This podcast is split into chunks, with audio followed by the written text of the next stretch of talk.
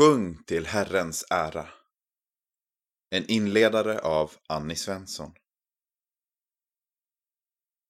Sång och musik är en fantastisk gåva från Gud. Har alltid varit en central del av kyrkans liv och gudstjänstfirande.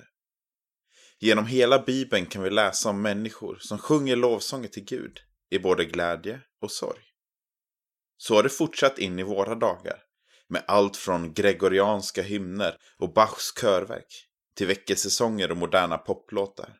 Från urkyrkan till ungdomsgruppernas lovsångskvällar.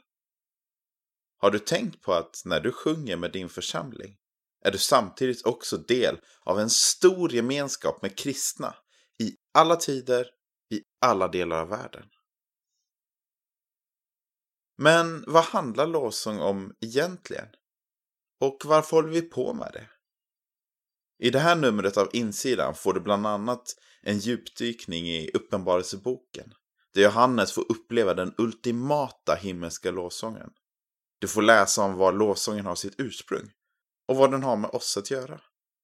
Du kommer också att få upptäcka att lovsång är så mycket mer än att sjunga och spela. Det handlar om hela ditt liv. Visst låter det spännande? Vår förhoppning är att du ska bli uppmuntrad och inspirerad att lovsjunga Gud i såväl toner och ord som handlingar. Vi ber Gud, tack för att du har gett oss musikens gåva.